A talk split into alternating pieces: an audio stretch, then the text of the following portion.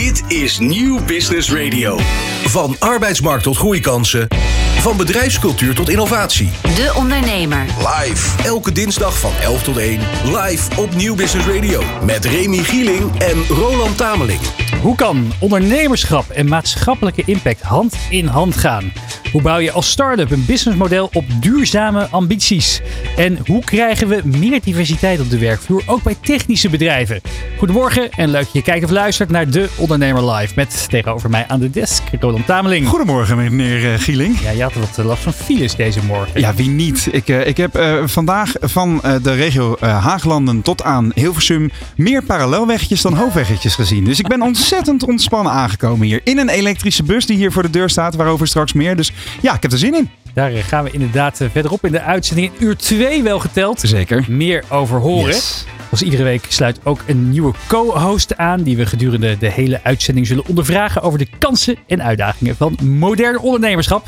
En vandaag een grote eer, Roland. Ja, dit is echt heel, heel tof. Ja. Want we hebben de jongste zakenvrouw van het jaar in de uitzending. Christel Groeneboom, welkom. Ja, goedemorgen. Ja, jongste zakenvrouw van het jaar. Je geeft al 13 jaar leiding aan een internationaal miljoenenbedrijf dat containers bouwt. Je bent auteur van diverse boeken, waaronder Mag ik meneer Christel even spreken? Daarover zometeen meer. Over geniale titels gesproken. Ja, zeker. hoe, eh, ehm, ja, hoe, hoe, hoe is het met jou? Goed, heel druk, maar we hebben heel veel werk op de zaak en wel heel veel leuke dingen. Dus eh, allemaal heel eh, prima. Ja, want het runnen van een containerbedrijf, ook in deze tijd, lijkt me uitdagend. Ja, dat is eh, zeker, maar ook wel weer heel leuk. Dus eh, ja, veel innovatie wat we doen, veel grote projecten waar we allemaal mee bezig zijn. Dus eh, ja, daar ben ik wel heel blij mee. Ja, want een container, dat kennen we natuurlijk allemaal van die eh, dingen die we op een schip laden van China naar eh, Europa en, eh, en andere delen van de andere uithoeken van de wereld. Maar je kan er nog veel meer mee. Ja, dat, eh, die standaard container wat je in je hoofd hebt, dat is dus wat wij niet doen. Wij doen echt hele speciale dingen daarmee. Eh, van waterstoftankstations eh, in een container, eh, brandweeroefeningen in een container, dat er heel gangenstelsel in zit. Dus eh, zwembadcontainers, je kan het zo gek niet bedenken en wij bouwen het. Dus echt die speciale containers. Ja, Roland? Ja, ik vind het een briljant verhaal. Hè? Want Christel, jij was 23 toen je het eh, bedrijf van je vader overnam. En eh, dat, dat is al veelzeggend natuurlijk. Die leercurve was ook vrij heftig, hè? Wat, eh, wat, wat je eerder vertelde. Ehm, en, en juist ook de innovatie, daar zit je heel erg op. Terwijl de concurrentie vanuit China ook gigantisch is. Dus er valt een hoop te bespreken, kan je wel stellen. Ja, dus we gaan heel snel van start. Van arbeidsmarkt tot groeikansen. Van bedrijfscultuur tot innovatie. De Ondernemer. Live. Elke dinsdag van 11 tot 1. Live op Nieuw Business Radio. Christel, we gaan de komende twee uur met elkaar doorbrengen. Dus we willen graag beginnen met zes prangende vragen, zodat een kijker en luisteraar je wat beter leert kennen. Het probleem dat ik als ondernemer probeer op te lossen is. Stilte op de radio. het, en nu is de uitdaging zo snel mogelijk te antwoorden, Christel. Wat is het grote probleem dat je probeert op te lossen? Als ondernemer, god, Ja. ja. ja, iedere dag zijn er weer andere problemen. Eh, eerst hebben we corona natuurlijk gehad. Dat was ook wel een uitdaging. Ehm, ja, nu heb je dat er grondstoffen tekort zijn, eh, inflatie en al dat soort dingen. Ja, Dus eh, ja, iedere keer is er weer een nieuw probleem. Dus ik heb niet zo het grote probleem waar je van wakker ligt. Maar iedere dag heb je wel weer een uitdaging om er iets mee te doen. maar ik bedoel hem eigenlijk andersom. Van wat is het grote, wat is het, het grote probleem wat je voor je klanten probeert op te lossen? Oh zo. Eh, ja, natuurlijk. Wij, wij noemen eigenlijk ons werk eh, containeriseren. Dus wij lossen... ja, dat is een Heel werkwoord. goed, heel goed, ja. Containeriseren. En ehm, ja, als een klant met een bepaald probleem komt... Bijvoorbeeld hij wil een eh, medische toest, ja, een, een, een soort medische huisvesting hebben in Afrika. En dan komt met een scan. Dan bouwen wij die scan in in een container. Zodat hij weer zijn ziekenhuis heeft in Afrika. Dus dat soort dingen lossen wij op. Dus ja, op die manier lossen wij problemen op voor andere ondernemers. Dat klopt. Heel goed, nou dan een eh, vraag die je eigenlijk al een beetje beantwoord hebt. Maar als ondernemer maak ik mij het meeste zorgen over. Dus daar, lig je niet zozeer wakker van. Maar wat, wat is eh, ja, waar je je zorgen over maakt? Ja, nu de inflatie vind ik best wel een probleem. Ook dat ze dat niet op kunnen lossen. De bankencrisis, wat je nu weer eh, hebt, dat vind ik ook wel een heel ding. Dat, dat eigenlijk, je hebt die bankencrisis van 2008 gehad en je ziet dat ze het nu, eh, ja, dat eigenlijk niet goed opgelost was. Dat ze wel die buffers omhoog hebben gedaan eh, van banken, maar dat de banken nog steeds te afhankelijk van elkaar zijn. Dus dat vind ik wel een heel ding. Dus eigenlijk gewoon heel de economische situatie. Is allemaal wat instabiel, hè? Ja, rare tijd. Als ik in het torentje zat, zou ik dit morgen als eerste in Nederland willen veranderen. Oei, ja, er zijn heel veel dingen wat ik zou veranderen. Oh ja, nu op dit moment vind ik het wel erg eh, met die hoge inflatie. eh, dat ja, iedere ondernemer doet zijn lonen omhoog, die loonsverhoging, maar er wordt enorm veel belasting op geheven. Dus het, wat jij extra betaalt als bedrijf, ja, dat voelt, dat, daar heeft de werknemer eigenlijk niks Hmm. aan. Dus ik vind dat zouden ze wel eh, iets aan mogen doen. Dat die loonsverhogingen die je geeft, dat dat minder belast wordt. Ja. Zodat mensen dat daadwerkelijk meer boodschappen kunnen kopen en iets ruimer hebben. Mooi. Met deze ondernemer zou ik graag een week op een onbewoond eiland willen zitten. Oh jee. Nee, maar geen ondernemer, denk ik. Nee? Met wie dan wel? Met je vader? Nee, ook niet. maar dat weet ik niet. Daar moet ik eens even over nadenken. Ja, daar komen we straks op terug Ja. dan. Ja, en mijn missie tot slot is pas geslaagd wanneer? Mijn missie is geslaagd. Oh, dat is ook wel ehm, dat is een lastige vraag. Ehm, ja, iedere keer eh, daag je eigen wel weer uit. En ik ben natuurlijk ook nog wel heel erg jong. Dus ik vind dat ook wel moeilijk om te zeggen van... oh, nu is het gelukt. Dus ja, nu, sommige mensen zeggen dat ook van... oh, nu heb je, ben je zakenvrouw van het jaar geworden. Ja, dat, ik denk dat is nog maar een, een begin. En ja, ik wil graag een nieuwe spuiterij en straaloods eh, gaan bouwen. Dus dat zal wel echt wel leuk zijn als dat er is. Maar ja, als dat klaar is, dan hebben we weer de volgende uitdaging. dus ja, ik ben nog niet in die volop. gepensioneerde staat van nu is het gelukt. Dus dat weet ik eigenlijk nog niet. Mag ik er nog eentje toevoegen? Ja. Wat is dan je grootste uitdaging in je bedrijf voor jouzelf? Mijn grootste uitdaging. Ehm, om een goed team te krijgen. Om de juiste ehm, persoon op de juiste plaats te krijgen. En dat verandert ook steeds. Ja. Daar moet je wel constant aan werken. En dat, ja, dat blijft wel heel moeilijk. Zo dadelijk praten we verder met ondernemer Christel Groeneboom. Maar eerst gaan we naar het laatste ondernemersnieuws. Dit is De Ondernemer live op Nieuw Business Radio. Ja, dit is het ondernemersnieuws van dinsdag 11 april. En we beginnen met een nieuwtje uit mijn eigen straatje. Want dit kwam vanochtend via de redactie van De Ondernemer mijn mailbox binnen. Het Nederlandse bedrijf iScat benoemt een AI-systeem als nieuw bestuurslid. Met de titel Chief AI Officer. Het systeem heet Frozen Brain en zal grote hoeveelheden gegevens analyseren en strategische inzichten produceren. om het besluitvormingsproces bij het bedrijf te ondersteunen. Met name op de toepassing van AI-technologie. De beslissing weerspiegelt de passie van iScat om geavanceerde AI-technologie te benutten om voorop te blijven lopen in hun markt van content syndicatie. Is dit nou gewoon een trucje, denk jij, Remy? Even, even kort tussendoor nog. Of is het, is het voor de vorm voor jouw gevoel? Nee, ik denk dat als je het goed inregelt, dat je, dit, dat je echt hier profijt van zou kunnen hebben. Maar het is wel een pilot. Ja, oké, heel goed. Dan eh, een recordwinst voor PON, de auto-importeur uit Leusden. Onder andere importeur van eh, Volkswagen, Audi, Porsche enzovoort. Zij hebben een eh, enorme omzet eh, gegenereerd in 2022. Eh, hij is gestegen met een kwart naar 10 miljard euro. CEO Janus Smalbraakt geeft eh, geen prognose over de verwachte winst en omzet in 2023. Maar hij kent weinig grote zorgen, wordt gezegd. En eh, je, je kunt wel stellen dat het daar misschien wel iets te goed gaat, zou je kunnen stellen. Nou ja, misschien een keertje om als hoofdgast in de Ondernemer Live Heel goed. te vragen. Juist. Nou, ja, kan hij toelichting geven over, over de weinig zorgen die hij heeft in ieder geval. Dan, Nederlanders betaalden vorig jaar even vaak contactloos met een mobiele telefoon of smartwatch als met contant geld. Dat komt voor uit onderzoek van de Nederlandse Bank- en Betaalvereniging Nederland. Daarbij bleef het, aantal, eh, bleef het aandeel betalingen met contant geld redelijk stabiel, terwijl het aandeel mobiele betalingen flink steeg. En dan een, eh, toch wel, eh, ja, eh, het B-woord werd genoemd vanmorgen. Beltjesdag. 64.000 Nederlandse ondernemers hebben nog steeds hun belastingsschuld niet ingelost. Het IMK schat dat 80% van deze ondernemers niet levensvatbaar is. Er wordt een sterke stijging van bedrijfsbeëindigingen verwacht in de komende maanden. Deze ondernemers maakten gebruik van de betalingsregeling bijzonder uitstel tijdens de coronapandemie. Maar moeten vanaf 1 oktober 2022 al beginnen met aflossen. Maar dat doen ze dus niet. Ondanks eerdere oproepen van de Belastingdienst blijft het aantal niet-betalers hoog. En het instituut Midden- en Kleinbedrijf, het IMK dus, ziet massaal ontkenningsgedrag bij deze groep ondernemers. En dat baart de instantie behoorlijk wat zorgen. Voor meer ondernemersnieuws, kijk op deondernemer.nl. De Ondernemer De Ondernemer live. op Nieuw Business Radio. Ja, het was eh, vanochtend te lezen in alle kranten inderdaad. Beltjesdag. Christel, Ja. eh, hoe kijk jij hiernaar? 64.000 ondernemers die nog een belastingsschuld hebben openstaan. 80% zou niet levensvatbaar zijn, volgens de schattingen. Echt ongekende aantallen. Tja, gigantisch. Ja, dus we verwachten nog meer uh, ook. Hè, bij uh, horecaondernemers ook. Wel heel heftig. Ja. Ik denk ook wel dat het zit. Sommige accountants hebben ook wel hun klanten geadviseerd om die uh, belasting uit te stellen. Nou ja, dat is gewoon uitstel van executie. Ja. Dus ja, dat Jij is ook komt wel, toch een keertje jammer. terug. Ja. Jij spreekt natuurlijk ook veel ondernemers. En veel ondernemers komen naar jou toe uh, als zakenvrouw van het jaar voor adviezen. Merk je dat dit leeft bij ondernemers? Ja, ik denk het wel, zeker. En eh, nu de klappen van corona vallen nu. Dus dat eh, is wel heftig. En zeker bepaalde sectoren zoals horeca en, en retail heeft het ook gewoon heel moeilijk. Dat is waar. In hoeverre speelt het bij jullie nog? Eh, Want eh, je hebt eh, notabene rond de financiële crisis in 2008, 2009 eh, kwam je aan het roer te staan voor jullie bedrijf. Dus je bent wel tegen de stroom in roeien gewend, zou ik maar zeggen. Maar in hoeverre heeft de, de coronapandemie bij jullie een deuk geslagen? Ja, In de nu, containers? ehm, ja, dat nou niet. We hebben wel veel werk weer. We hebben wel een enorme uitbraak gehad. Dat we echt eh, vier weken gewoon helemaal stil lagen. Dat echt iedereen het had. Van het virus zelf bedoel je? Ja, ja. dat wel. Maar toen waren we er ook wel eh, doorheen. Dat Ja. eh, was ene keer heel zuur. En als maakbedrijf, ja, als iedereen ziek is, kan je natuurlijk geen omzet draaien.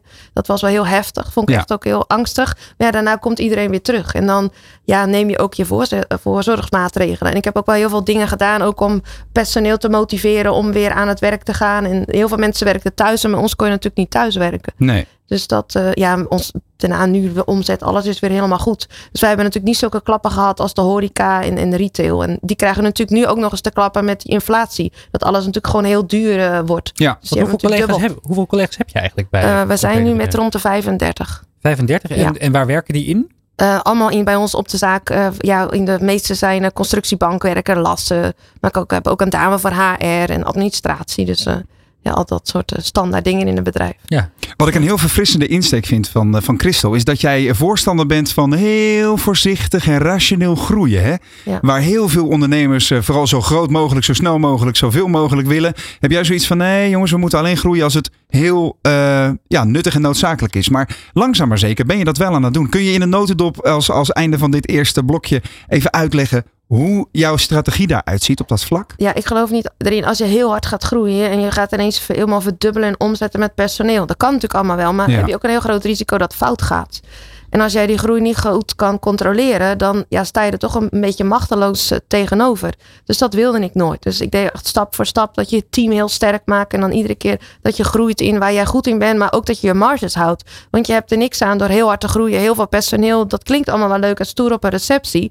Maar ja, als jij er niks, de rendementen er niet beter worden en je kan niet meer goed investeren in je bedrijf omdat de kerst er gewoon niet is, Nee. omdat je te hard groeit, ja, dan heb je wel een probleem. Maar het is toch een soort basisimpuls van veel ondernemers die willen, willen, willen. En eh, moet jij jezelf dan afremmen om, om deze strategie ook te kunnen uitrollen? Of, of zit het gewoon in je persoonlijkheid? Ja, ik denk je eigen gewoon niet gek laten maken. En veel mannen doen dat wel. Dat ze dan oh, denken, we gaan meteen deze man. kaart spelen. Nee, maar dat, dat is wel zo. Dat sommige Ja? mensen echt bewust heel groot willen groeien. Van, oh, ik heb zoveel man personeel, ik heb zoveel omzet. Oké. Maar ja, dan komen ze toch vaak in de problemen of met cash of met winstgevendheid. En, Maar dat is dus echt een, een karakterverschil, zeg jij. Eh, ja, ik denk ook wel. Ik ging als jong kind liep ik al vaak mee met mijn vader. En ik heb ook wel andere bedrijven gezien waar dat dus echt fout bij ging. En dat dan zie je dat toch als kind. En dan denk je, oh, dat ga ik dus echt niet doen zo. Je wil, maar ik ben ook wel een controlefreak. Dus ik wil ook wel weten wat ik doe. En niet dat je zomaar heel hard gaat. En je hebt geen eh, controle meer op je cashflow bijvoorbeeld. Zometeen gaan we hierover verder praten. Maar ook inderdaad hoe jij het bedrijf hebt overgenomen. En je groeiambities voor de toekomst. Maar eerst gaan we naar het volgende onderwerp. Namelijk ja, maatschappelijk verantwoord ondernemen. De Ondernemer. Live op Nieuw Business Radio. Het initiatief Give Me Five van The Present Movement, waarbij economisch daklozen tijdelijk in hotels worden ondergebracht om daarna door te kunnen stromen naar woning en werk, heeft 182.000 euro ontvangen. Het project boekte al succes in Amsterdam en breidt nu uit naar andere grote steden, waar naar verwachting 200 extra economisch dakloze mensen van de straat kunnen worden gehaald. En aan de lijn, Geus, oprichter oprichter van The Present Movement. Marnix, goedemorgen. Goedemorgen. Hi. Dat is al een hele tijd geleden dat wij elkaar hebben gesproken. En Ja, eh, eh, ik heb eh, de, het, het mooie, ja, de mooie weg van de present movement van dichtbij mogen volgen.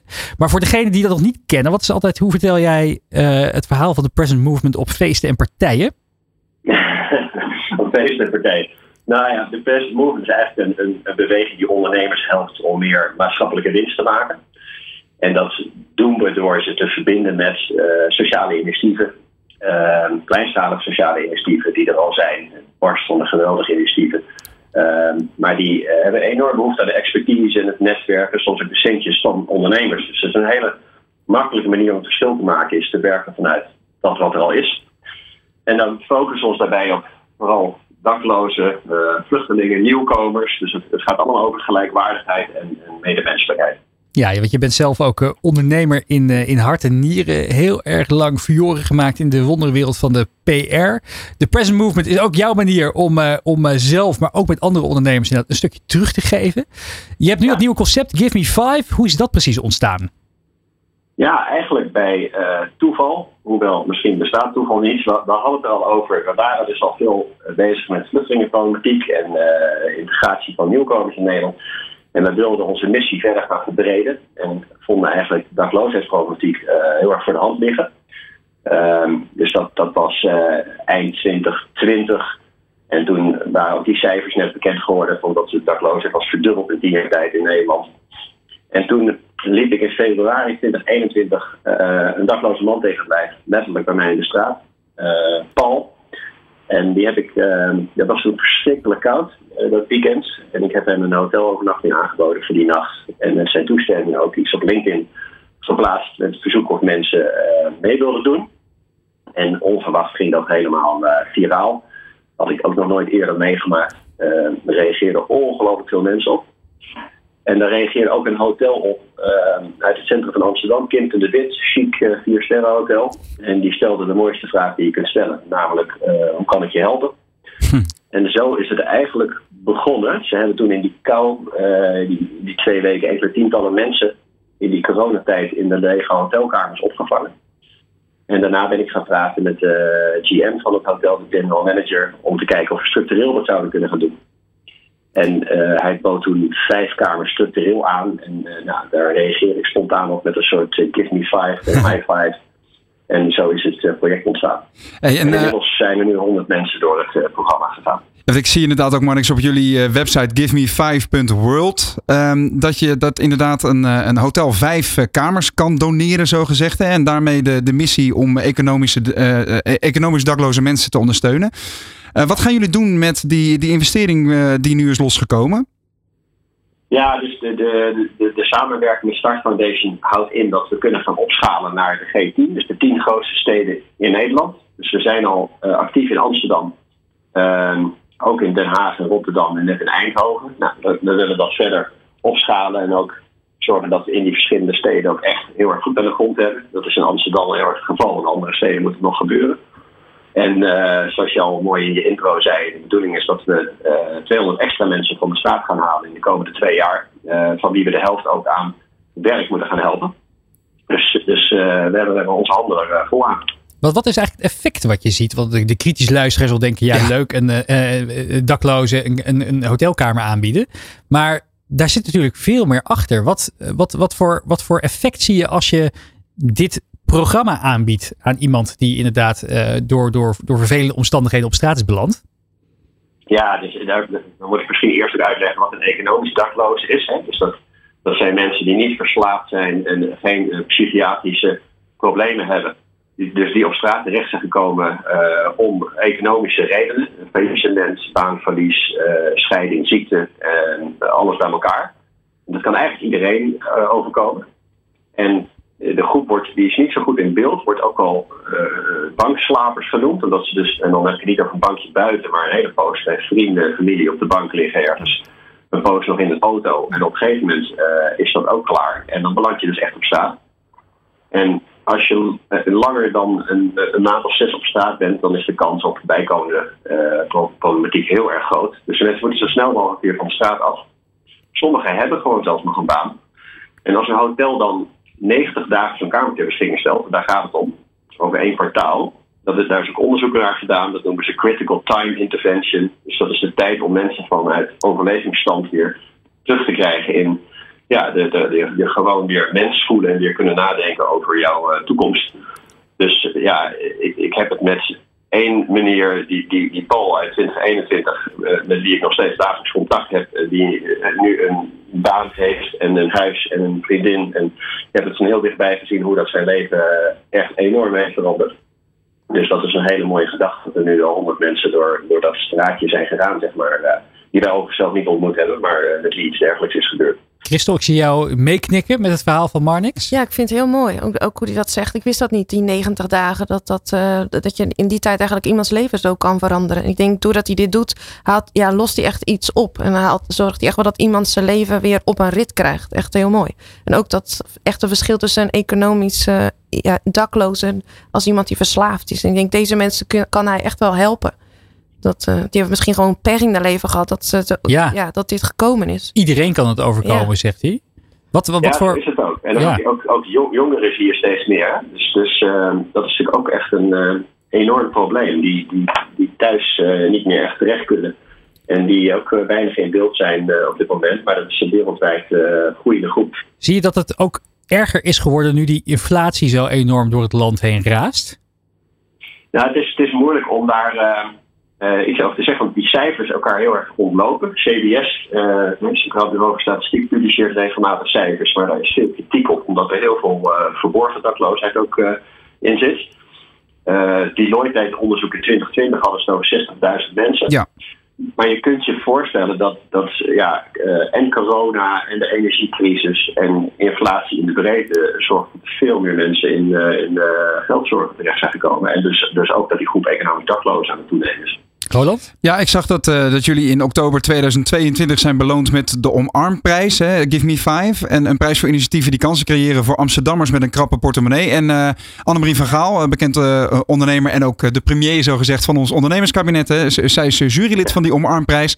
En zij zegt ook in ons beschaafde land zijn meer dan 60.000 Nederlanders dakloos. Dat is echt een, echt een mega aantal. Hè. Marnix, ik ben even benieuwd naar... Die 90 dagen die blijken dus heel effectief te zijn. Maar in hoeverre zie jij nu potentie om echt een doorbraak uh, te forceren met het uh, Give Me Five?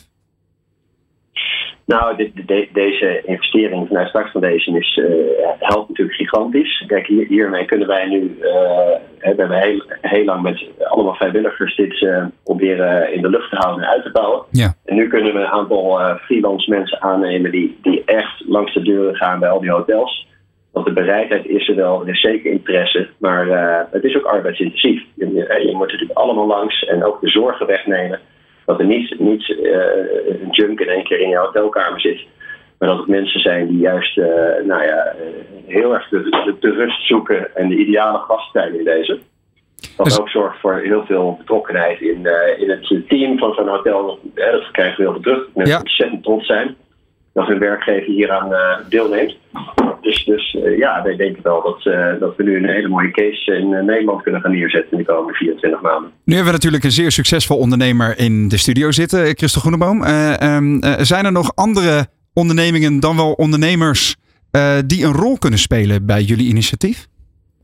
Ja, ik, ik, denk ook wel dat die mensen misschien ook wat psychische begeleiding nodig hebben. Want als jij uit huis wordt gezet, dan heb je ook wel een hele psychisch een hele deuk wat je oplevert. Ja. Ziet er dan maar eens ook positief weer uh, bovenop te komen. Dat die mensen ook weer de energie terug hebben om voor dat leven te gaan. Ik denk dat dat ook wel belangrijk is. Maar ja. Dat is ook wel net als wat hij zegt. Er zit natuurlijk heel veel tijd en energie in. En naarmate hij verder gaat met zijn project, gaat dat natuurlijk ook groeien. En hij zei ook dat hij erbij gaat kijken dat mensen ook weer aan een baan komen. Dus dan heb je natuurlijk ook coaching nodig. En ook kijken wat willen die mensen, wat gaan ze verder doen met hun leven. Dus ja. er komen ook natuurlijk heel veel andere aspecten bij als enkel dat veilige thuis. Maar dat veilige thuis is natuurlijk wel het begin. Maar als je dit zo hoort, zou je dan, uh, gaat er dan meteen iets borrelen bij jezelf waarvan je denkt, hé, hey, ik zou hier misschien iets aan kunnen bijdragen? Ja, ik heb geen hotels. Nee, nee, nee, precies. Maar, nee. maar misschien uh, financiële ondersteuning of, uh, of, of uh, samen met Marnix gaan kijken of, of jullie er een, een, een, bijdrage aan kunnen leveren? Ja, dat misschien wel. Ja, alleen doen wij natuurlijk hele andere dingen als, als wat Marnix doet. Maar ik vind wel dat hij, wat hij doet er gewoon een heel mooi initiatief is. Dat zeker. Ja, ja. Ja, NVO wordt. Al, ik heb je al een LinkedIn-verzoek gestuurd. En dat ah. is, ja, deze, nou, die warme banden worden aangehaald. Ja. Dat is inderdaad Ondernemers kunnen enorm bijdragen, financieel, maar ook in hun contacten. Ook als je zelf geen hotel hebt, maar uh, managers kent van hotels. Uh, ook met het meedenken over hoe we hier een verdienmodel van kunnen maken, zodat, het, dat we het echt kunnen verduurzamen de komende twee jaar. Ehm, en net goed banen, inderdaad. Hè. Ondernemers die luisteren en denken van ja, ik, ik zou uh, ook zo'n economische dakloze wel uh, een baan uh, willen aanbieden. die kunnen allemaal contact met ons opnemen. Ja. Nou, ik denk dat in die krappe arbeidsmarkt daar ongelooflijk veel kansen liggen. En daar gaat de investering van 182.000 euro van de Start Foundation zeker bij helpen. Marnix, we gaan het initiatief op de voet volgen. Heel veel succes de komende week en dank voor je toelichting vandaag. De Ondernemer. De Ondernemer live. Op Nieuw Business Radio. We praten verder met Christel Groeneboom van containerservice C Groeneboom. En dat die C staat niet voor niks. Die staat voor Cornelis of Kees, jouw vader, die het ja. bedrijf in 1986 heeft opgericht. Ja, je was natuurlijk niet vanaf de, de, de, de, de misschien van niet vanaf de eerste dagen er bewust bij. Maar hoe is het bedrijf in die jaren veranderd? Hoe is het begonnen en hoe heb je het zien veranderen in, in, in die tijd? Ja, het begon eigenlijk met veel standaard containers. Uh, dat we ja, veel grote opdrachten hadden van allemaal dezelfde. En ook een spuiterij uh, ja, hebben we. Die, die, daar ging alles dezelfde. 100 containers wit, uh, 200 rood. Dat is heel veel standaard. nou ja, toen kwam ik, dat ik het overnam. En toen hadden we enorme concurrentie van China. Dus ja, dat standaardwerk kon je wel vergeten in Europa. Want het was gewoon veel goedkoper om dat te laten doen in China. Ja, merkte dus, je dat ook echt in de aanvraag? Ja, ja. En, en toen dacht ik, ja, wat ga je nu doen? Want niks erg ergens als dat je net een bedrijf hebt overgenomen en je hebt een, een lasser aan je bureau staan die niet kan overwerken omdat er niet genoeg werk was. Dus dat was wel een drama. En toen zijn ben ik wel gaan omdenken. Dat ik denk, ik ga het uh, niet meer voor die grote aandalen en, geen standaard product meer, maar wel een product uh, wat maatwerk is en wat echt een probleem op kan lossen voor een klant. Dus alleen maar ja, hele gekke containers bouwen die gewoon heel duur zijn en dat je alles doet wat ze in China niet doen. Dus ja, zo um, ben ik eigenlijk begonnen. Ja, en nu doen we bijna niet anders als heel veel maatwerk en, en van waterstof tankstations in containers tot nu batterijcontainers die we bouwen. Uh, ja, voor alternatieve energiebronnen en dat is gewoon heel erg leuk. En het heeft niet alleen ja, goede business opgeleverd, maar ook wel een uitdaging in je werk en veel plezier. En ook voor het personeel dat het iedere keer anders is en nooit saai. En veel innovatie en dat vind ik ook wel belangrijk. Ja, het is, het is geen rondje om de kerk heen uh, nee. qua productiewerk. Nee. Hoe ervaarden klanten dat destijds? Want je gaat in één keer een andere, je slaat in één keer een andere weg in. Hoe, hoe, hoe, heb je dat ervaren? Uh, ook wel heel positief, omdat we nu meer gewoon een probleem oplossen voor een klant. En niet meer iets standaards leveren. Bijvoorbeeld, nu doen we ook gewoon niet meer van als iemand belt voor een standaard container of een huurcontainer, dat we dat gewoon niet meer doen. Omdat ik zeg, ja, ik ben geen handelaar. Het zijn hm. echte uh, ja, maatwerk dat we doen, probleemoplossend dat vind ik ook leuker en daar help je ook iemand mee. En hoe, hoe reageren mensen dan? Als ze zeggen, je hebt, je, hebt die container toch? Ja, ja dat denken ze soms. Maar als, ik, dan, ik, als iemand dan komt met zo'n vraag, dan stuur ik hem ook wel de gegevens door van die persoon doet dat wel. Dus oh ja. we jagen hem niet het bos in. We helpen iemand dan wel. Dus dat, dat dan wel. Dat, uh... En hoe kijkt uh, de oudere generatie nu mee vanaf de zijlijn? Oh, wel leuk. Die vinden, ja, mijn vader is er ook wel heel enthousiast over. En ook al die gekke dingen wat we bouwen en doen, zeker. Ja? Want hij, eh, als ik me niet heb, eh, verkeerd heb laten informeren, hij was, uh, hij was al 70 toen jij uh, het bedrijf overnam, ja. hè? Ja, dat klopt. dus hij heeft je ook wel goed kunnen begeleiden. Maar jouw missie was ook heel anders dan hoe hij altijd gewerkt heeft. Ja, zeker. Hebben we ook wel vaak ruzie over gehad. Maar ik denk ook, het is een hele andere tijdsgeest. Bijvoorbeeld, ja, ik ben begonnen 2008 bankencrisis. Ja, nu hebben we de volgende bankencrisis. Corona, inflatie, oorlog Oekraïne. Mhm. Dus ja, ik sta heel anders in de wedstrijd als Maar dat is ook goed, omdat ik leef in deze tijd en hij in een andere tijd. Dus dat we heel anders zijn, dat is juist positief. En ik heb ook wel heel veel van hem geleerd. En ik ben ook wel een eigenwijs, maar dat moet je ook soms wel zijn in deze tijd. Want, dat hebben jullie mogelijk ook gemeen, kan ik me voorstellen. Uh, ja, ik ben eigenwijzer. Ja? ja, ja. En in, in hoeverre eh, stuurt, uh, stuurt vader Kees nu af en toe nog eens bij dan? Of zegt hij van, nee. hey, heb, je die, heb je hierop gelet? Of is het juist uh, nee, niet aan de nee, orde? niet meer zo. Ook omdat dingen, hij is ook veel ziek geweest. En, ja. en, ik wil ook niet als er veel iets verkeerd gaat op de zaak hem daarmee lastig vallen. Dus ik kom nu alleen maar met de leuke dingen. Ja, mooi. Ja. Wat is eigenlijk je favoriete container om te maken? Ja, mijn zwembadcontainer. Ja, die moet je even uitleggen voor ja, de luisteraars. Oh ja, uh, nou ja, het, het, is niet onze, we doen dat als erbij, maar het is wel wat ik heel erg leuk vind. Um, nou, het is begonnen, uh, we zaten midden in de coronatijd en ik heb ook een, um, een, een, grote vijver in de tuin en een hond. En um, ik belde net met de bedrijfsarts, heel veel gedoe met corona en mijn hond die sprong net in die vijver en ik was echt drijfnat. En toen kwam ik de volgende dag op de zaak en toen dacht ik, zag ik die uh, ja, stapel containers staan voor de ijzerretsindustrie, wat helemaal stil lag. En toen dacht ik, ja, waarom gaan we dat gewoon niet ombouwen als zwembadcontainer? Hartstikke leuk. Net als die hond die eh, zijn eigen prima van maakt eh, in mijn eh, vijver. ja, iedereen wil wel zwemmen. En ik, ik ben zelf ook wel aan het zwemmen. Ik zwem heel graag. Dus toen kwam dat idee om dat te gaan doen. Ja, en dat, dat, ja, er was een, ehm, een bericht op LinkedIn had ik gezet. En toen belde iemand van de quote voor een artikel. De volgende dag stond dat in de krant. En binnen no time had ik drie containers verkocht aan dezelfde man. Want hij wilde er een hebben voor zijn ex-vrouw, voor zijn zus en voor hemzelf. Zodat zijn kinderen heel de zomer konden zwemmen. En ja, toen dacht ik, ja, dit is leuk. Dit gaan we doen. Dus Wat dat, grappig. ja. Dat is ook een heel andere doelgroep die je daarmee heeft Ja. aangeboord. Hè? Want jullie zijn natuurlijk heel erg B2B eigenlijk Ja, ja. altijd. Voor de industrie aan het Ja. werk. En ineens heb je consumenten aan je Ja, balie staan. lastig. Eh, we hebben de meest gekste dingen meegemaakt. Mensen die met ki- kinderwagen en hond het terrein opkwamen. Terwijl er allemaal ja, heftrucks en vrachtwagens bij ons rijden. Allemaal containers door de lucht vliegen, Ja. zeg maar. Ja. En eh, iemand die werkte bij Campina en die kwam met zo'n hele tankwagen van melk. Die parkeerde die even langs de weg om naar de zwembadcontainer te komen. Ja. Kijken, ja, dat soort dingen. Een vrouw die belde, die wilde hem als cadeautje hebben voor de man. Ja, als zij vandaag belt, heb ik die niet morgen. En nog met een grote strik erom ook. Nou, dat soort dingen. Dus dat was wel heel leuk. Ja. Maar hoeveel doe je er dan eh, per maand nu nog? Ja, nu doen we vooral verhuur. Omdat dat eh, voor evenementen. Dus Ja. dat is wel wel weer fijner. Dus dan eh, kom ik toch een beetje terug op onze kern van eh, B2B. Ja. Want ja, we zijn toch een B2B bedrijf. Dus dat, eh, ja. Maar het was wel een leuke zijsprong om met die zwembadcontainer te beginnen. Dat zeker. Hoe Ja. reageerden ze op, eh, op kantoor toen je het, eh, toen je het idee eh, vertelde? Ja, wel grappig eigenlijk. We hebben een enorm leuk feest gehad in de, ja, dus het soort zwembadcontainer evenement, ook een open dag daarna. Ja, en dan hadden we, heel de hal stond vol met zand en palmbomen. En ja, dat was wel heel leuk. Dus dat was wel grappig. Wat, eh, wat Ja. kost een, eh, een, een, een zwembadcontainer als ik hem nu wil huren voor mijn event? Eh, ja, nu zitten we met zo'n een staffel per dag. Maar ik, ik, ik weet niet uit mijn hoofd, anders schieten ze me af op kantoor als ik het verkeerd dat je het weer verkeerd zegt. ja, Maar hoe langer, hoe goedkoper dus. ja, dat is zeker Ja, langere Precies. goedkoper. Maar, Dus maar dat, wat is een eh, beetje dan je doelgroep? De festivalletjes? Ja. Of de... eh, of mensen die in plaats van een of ander luchtkasteel voor de kind eh, zo'n zwembadcontainer willen huren voor de zomer. Heel praktisch, want ja, wij brengen hem en we halen hem weer op. En heel de winter, als je, ja, heb je er geen last van. En ook beter, want ja, in de winter zwemmen, nu met die energiecrisis, is dat ook niet echt eh, handig.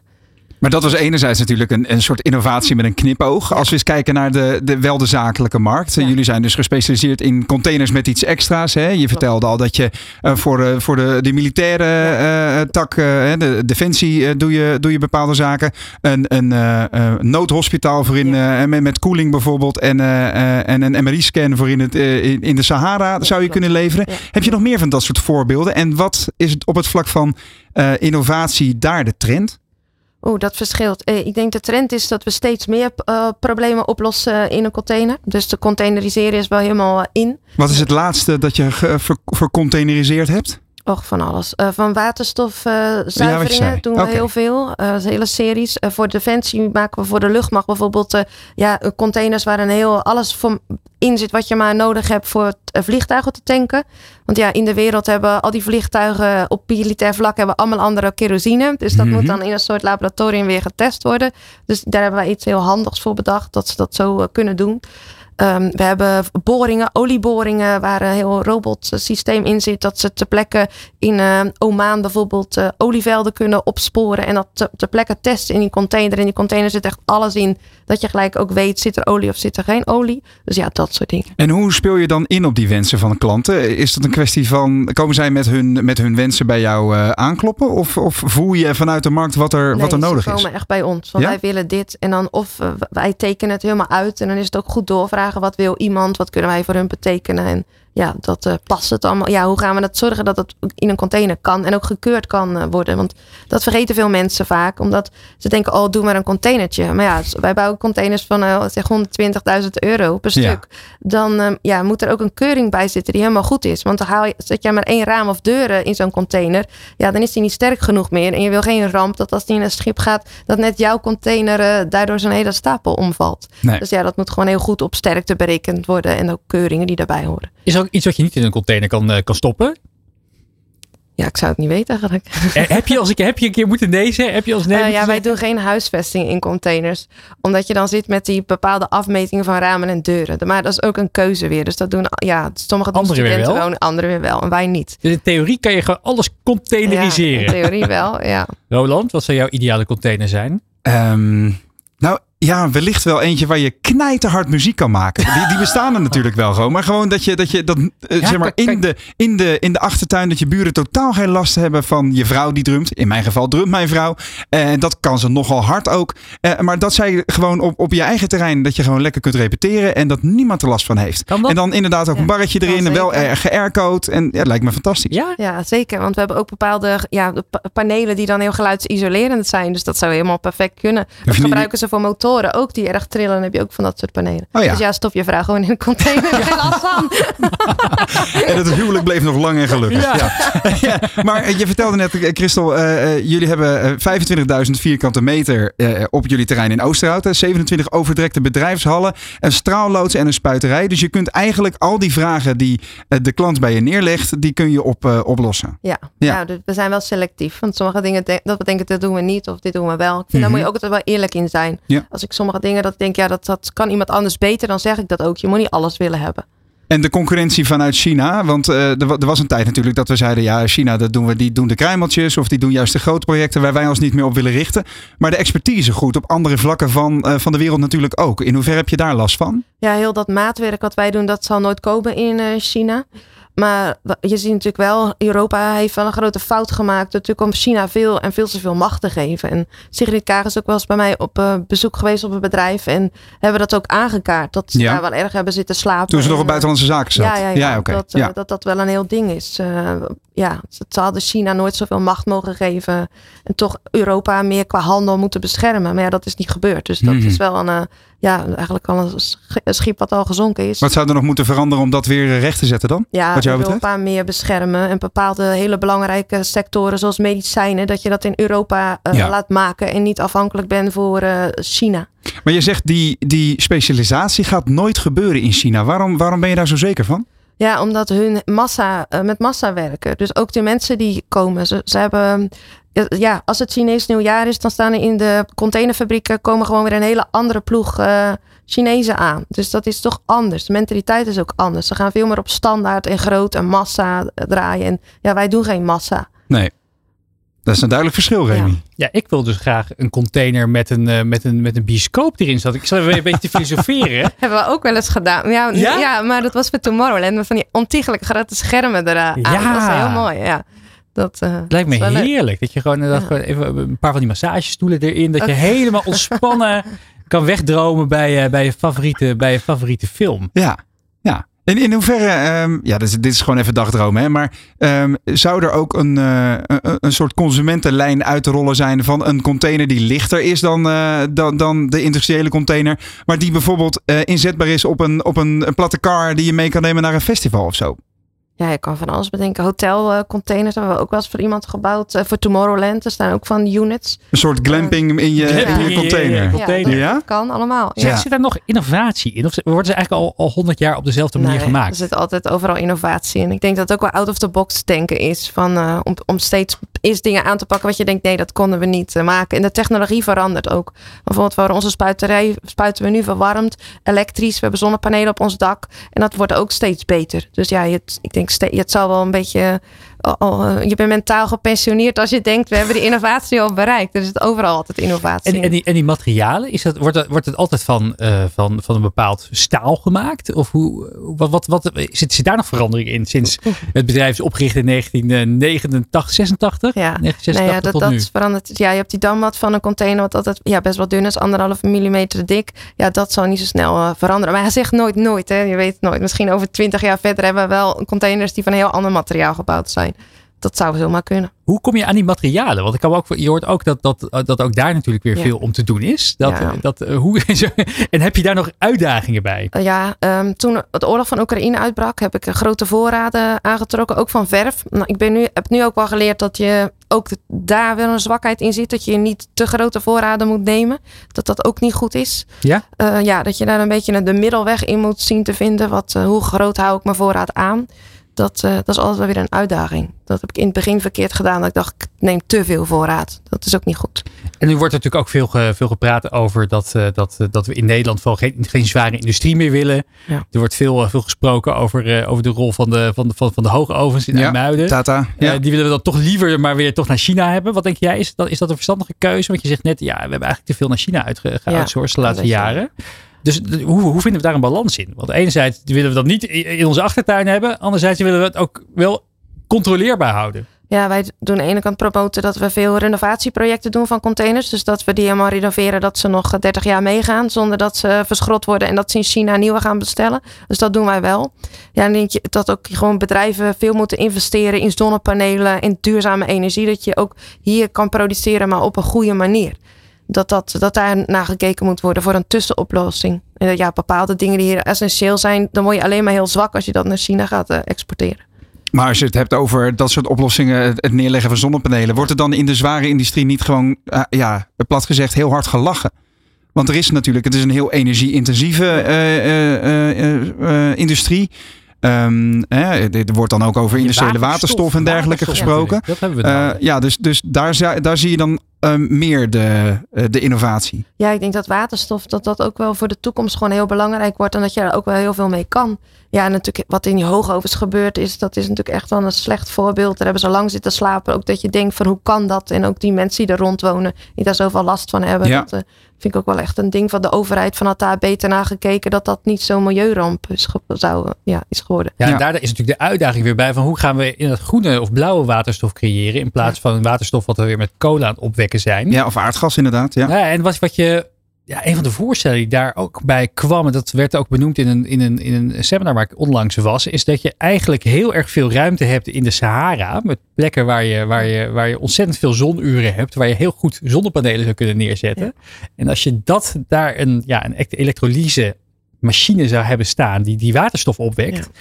En dat via een buis naar Europa pompt iedere Ja. dag. Want dat kun je transporteren. Dat is met de elektriciteit wat lastiger natuurlijk. Ja, exact. Dus als je die waterstof dan vervolgens hierheen brengt via, de Mhm. bui- via een buizensysteem. Nou, dat zou een heel mooie manier zijn. Ja, In Saudi-Arabië hebben ze ook zo'n project, Neon project, zoiets heet dat. Daar zijn ze ook daarmee bezig met van die waterstoffabrieken. Ja, Ik denk wel dat dat eh, wel, wel ja, dat ze daar wel mee bezig zijn. Dat dat op een duur ook wel goed moet komen. hoe praat je hierover met de branche? Merk je dat, dat is, speelt dit bij veel van jouw mede-ondernemers Ja, in eh, deze ja, sector? eh, bijvoorbeeld zijn bezig met zware heftrucks die wij ook hebben. 20 tons heftrucks, dat die dadelijk ook op waterstof gaan draaien. Eh, wij bouwen al waterstoftankstations voor klanten in containers. En ja, ik denk dat dat zeker wel een heel belangrijk deel is. En heel veel ondernemers die zijn bezig met ja, zonnepanelen, elektrische heftrucks en al dat soort dingen. Je kantoor verduurzamen. Ja, ook, je moet wel. Iedereen voelt die rekening van de energie. Ja. Ja. dan genoeg om zo meteen over verder te filosoferen met Zo is elkaar.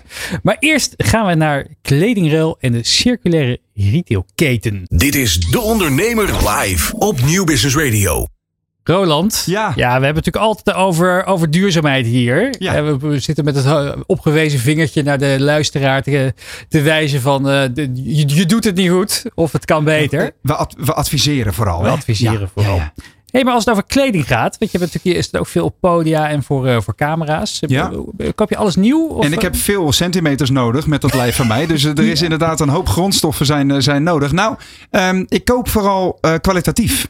Ehm, ik heb een, eh, een, eh, eh, twee kledingleveranciers die fatsoenlijke kleren hebben in mijn maat. Dat is niet altijd even makkelijk als je 2 meter 4 bent. En waar ik wel waar ik een enorme antipathie tegen heb, is de, eh de verprijmarkisering van, de, de- van de modewereld. Hè? Ehm, eh, dan zie je inderdaad ook nou, mijn nichtje van, van 12, die koopt dan daar kleren. En dat is letterlijk twee keer wassen en de gaten vallen erin. Ja, dat, dat stuit me enorm tegen de borst. En met die kleding van mij kan ik, eh, kan ik gewoon echt wel heel wat presentaties eh, achter elkaar eh, doen. Want dat, dat, dat, blijft gewoon goed. Dus wat mij betreft, ehm, eh, ja, weet je, je wil natuurlijk wel her en der wat, wat nieuwe tenues hebben. Want je wil niet elke week in dezelfde shirts achter de balie zitten. Maar, maar ik vind wel investering in kwaliteit. En ook zien dat het langer mee kan dan, dan een paar keer wassen. Maar een keertje iets tweedehands kopen, zit dat er al in bij de, bij de, bij de familie Tameling? Nou, dat, dat, dat doe ik nog niet. Nee, ook niet omdat ik eh, toch wel een afwijkende maat heb. Nou, onze volgende gast, die zit daar wel helemaal in de wereld van de circulaire e- economie. De Swapshop, een kledingruilwinkel, wil de allereerste circulaire retailketen van Nederland worden. De ondernemers willen alle niet swapbare kleding recyclen naar een lokaal geproduceerde circulaire productielijn. Om zo de enorme hoeveelheid textielafval te verminderen. En er is een crowdfundingcampagne gestart om de circulaire productlijn te realiseren. En de urgentie is hoog, want de enorme impact van de textielindustrie, ja, die die leidt, ja, het milieu die leidt er echt onder. En aan de telefoon, Laura uh, Suijerbuik. Sorry, Laura Suijerbuik. Die belt in. Ja, goeiedag. Leuk Hi. dat je er bent. Goeiedag. Ja, de Ja, Swap dankjewel. Shop. Leuk dat ik er mag zijn. Ja, jullie hebben een, eh, jullie hebben een winkel en uh, zitten al, al tijden in de, in de circulaire retail. Maar nu heb je dus een nieuw idee bedacht. Hoe zijn jullie daar zo op gekomen? Ja, um, wij hebben inderdaad al een aantal jaren uh, winkels. Uh, in Rotterdam hebben we verschillende, verschillende winkels gehad en nu in Amsterdam. En we lopen eigenlijk al een aantal jaar tegen een dilemma aan. We lossen natuurlijk enerzijds een, een probleem uh, op. Of dat willen we oplossen met ons concept, namelijk de enorme textielafvalbergen en de kledingverspilling. Maar we merkten ook dat um, in de winkels dat we niet alle kleding konden gebruiken om te swappen. Omdat het of te versleten is of qua stijl heel erg verouderd is en niemand er eigenlijk nog op zit te wachten. Er zit een gaatje in, allerlei redenen. Um, en uh, nou, die, die, die bergen werden daar ook steeds hoger. En we zijn eigenlijk al een aantal jaren op zoek naar de oplossing van wat moeten we nou met die kleding? En wat is nou de beste oplossing? En een droom die we al een paar jaar hebben is om die kleding om te zetten naar producten. Dus om te recyclen. En daar uh, zijn we nu mee gestart, een uh, half jaar geleden denk ik. Wat voor, wat voor producten ja, moeten we dan aan denken? Wat zou je allemaal kunnen, kunnen, kunnen, kunnen recyclen? Um, ons eerste product is een laptop sleeve. Um, en die is helemaal gemaakt van katoen, 100% katoen. Waarvan uh, deze nu ongeveer 70% bestaat uit gerecycled katoen. En um, dat betekent dus niet dat we alle kleding kunnen omzetten, want heel veel kleding bestaat ook uit uh, polyester bijvoorbeeld. En dat is een uitdaging die de komende jaren, ja, waar we de komende jaren nog verder aan willen werken. Om dat uit te breiden met andere type producten en ook andere type materialen. Er zijn er ook een aantal andere initiatieven die uh, hierop inspelen. Het Groningse bedrijf van Hully bijvoorbeeld. Die maakt rugtassen, iPad-hoezen, prullenbakken, sporttassen van, van gerecycled materiaal. En die hebben daar ook een heel traject voor bedacht om mensen met een afstand tot de arbeidsmarkt of mensen die, die al een tijdje, tijdje nog niet zo'n goede carrière richting hebben, om die weer op, op gang te helpen. Om zowel zelfstandig als financieel onafhankelijk te worden. Hoe maken jullie die dingen? Ja. Want het is natuurlijk heel erg veel handwerk komt hierbij kijken.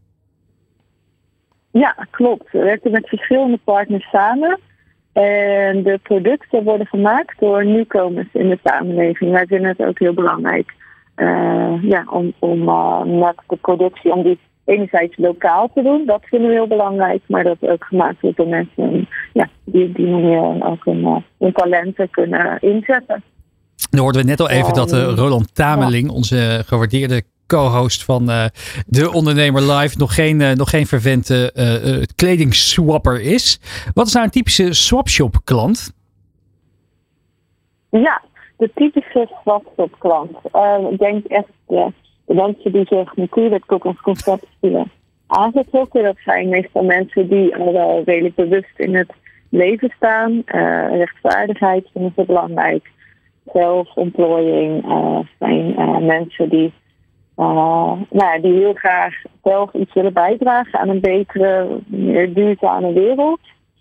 Nou, zijn principes nalezen. Ja, ik, ik, ik hoor het al. Niet Roland Tameling inderdaad. Zijn, maar uh, wat is dit nou weer voor framing, Remy Gieling? Christel, nee. is dit iets voor jou? Nee, sorry. Ik ben, nee, ik zou nooit zo snel uh, van kleding uh, wisselen of dat soort dingen. Nee, ik ben wel met uh, hem eens dat, dat, ja, dat je kiest ook over duurzame kleding. Niet dat je drie keer draagt en er zit een gat in. Dus meestal heb ik kleding wel jaren. Maar dan, uh, ja, dan draag ik het wel alleen zelf. Technicus Daan?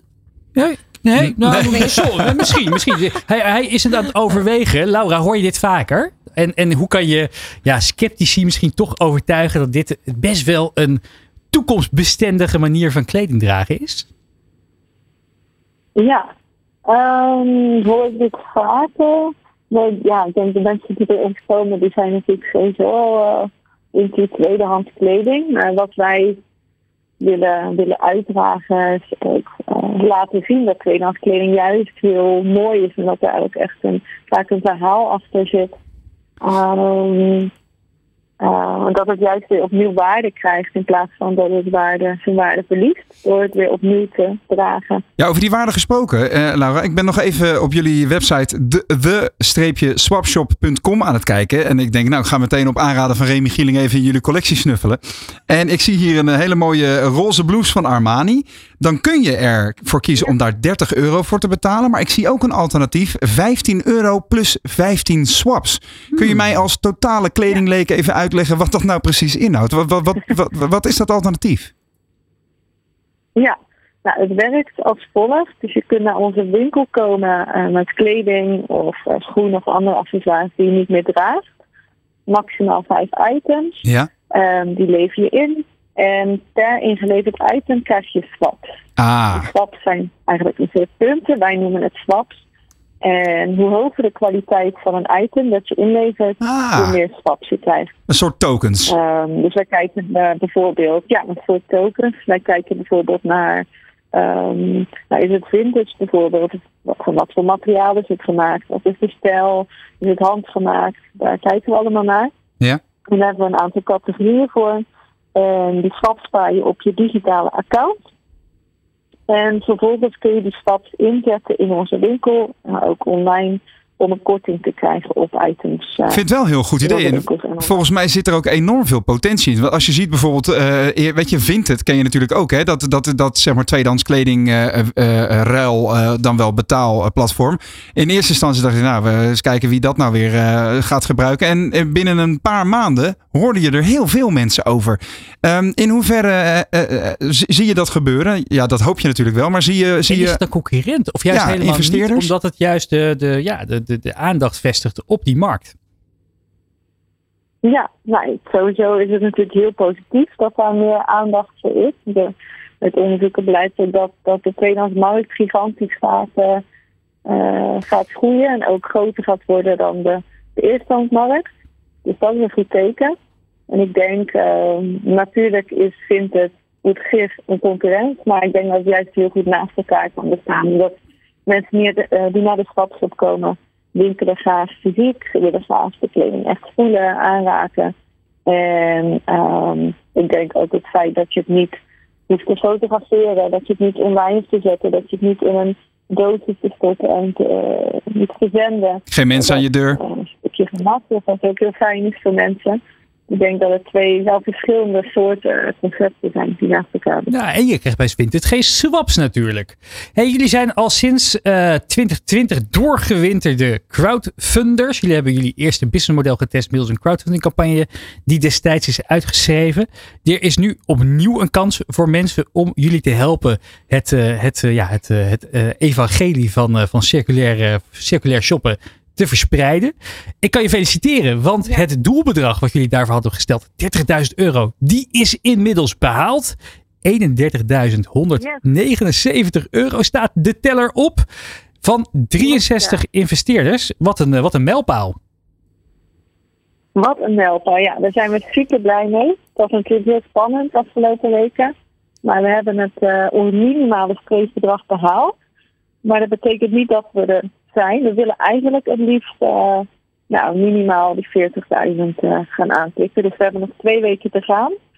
En uh, nou, die twee weken laten we staan en hopen dat we gaan halen. Ja, ruim twee weken. Nog 17 dagen loopt de campagne. Tot maximaal 60.000 euro is er mogelijk om te investeren. En ja, mensen die dat doen, die kunnen een ja. jaarrendement van 3% verwachten. 63 mensen hebben dit al gedaan met een gemiddelde ja. investering van 494 euro. Wat is, ja, wat, is, wat is jouw oproep aan mensen om mee te doen? Wat krijgen ze nog meer naast een, een rendement op het, op het bedrag? Ja, Uh, nou ja, ten eerste natuurlijk uh, een oproep aan alle mensen die net als ons heel erg geloven in de circulaire economie. En uh, die de economie een boost willen geven.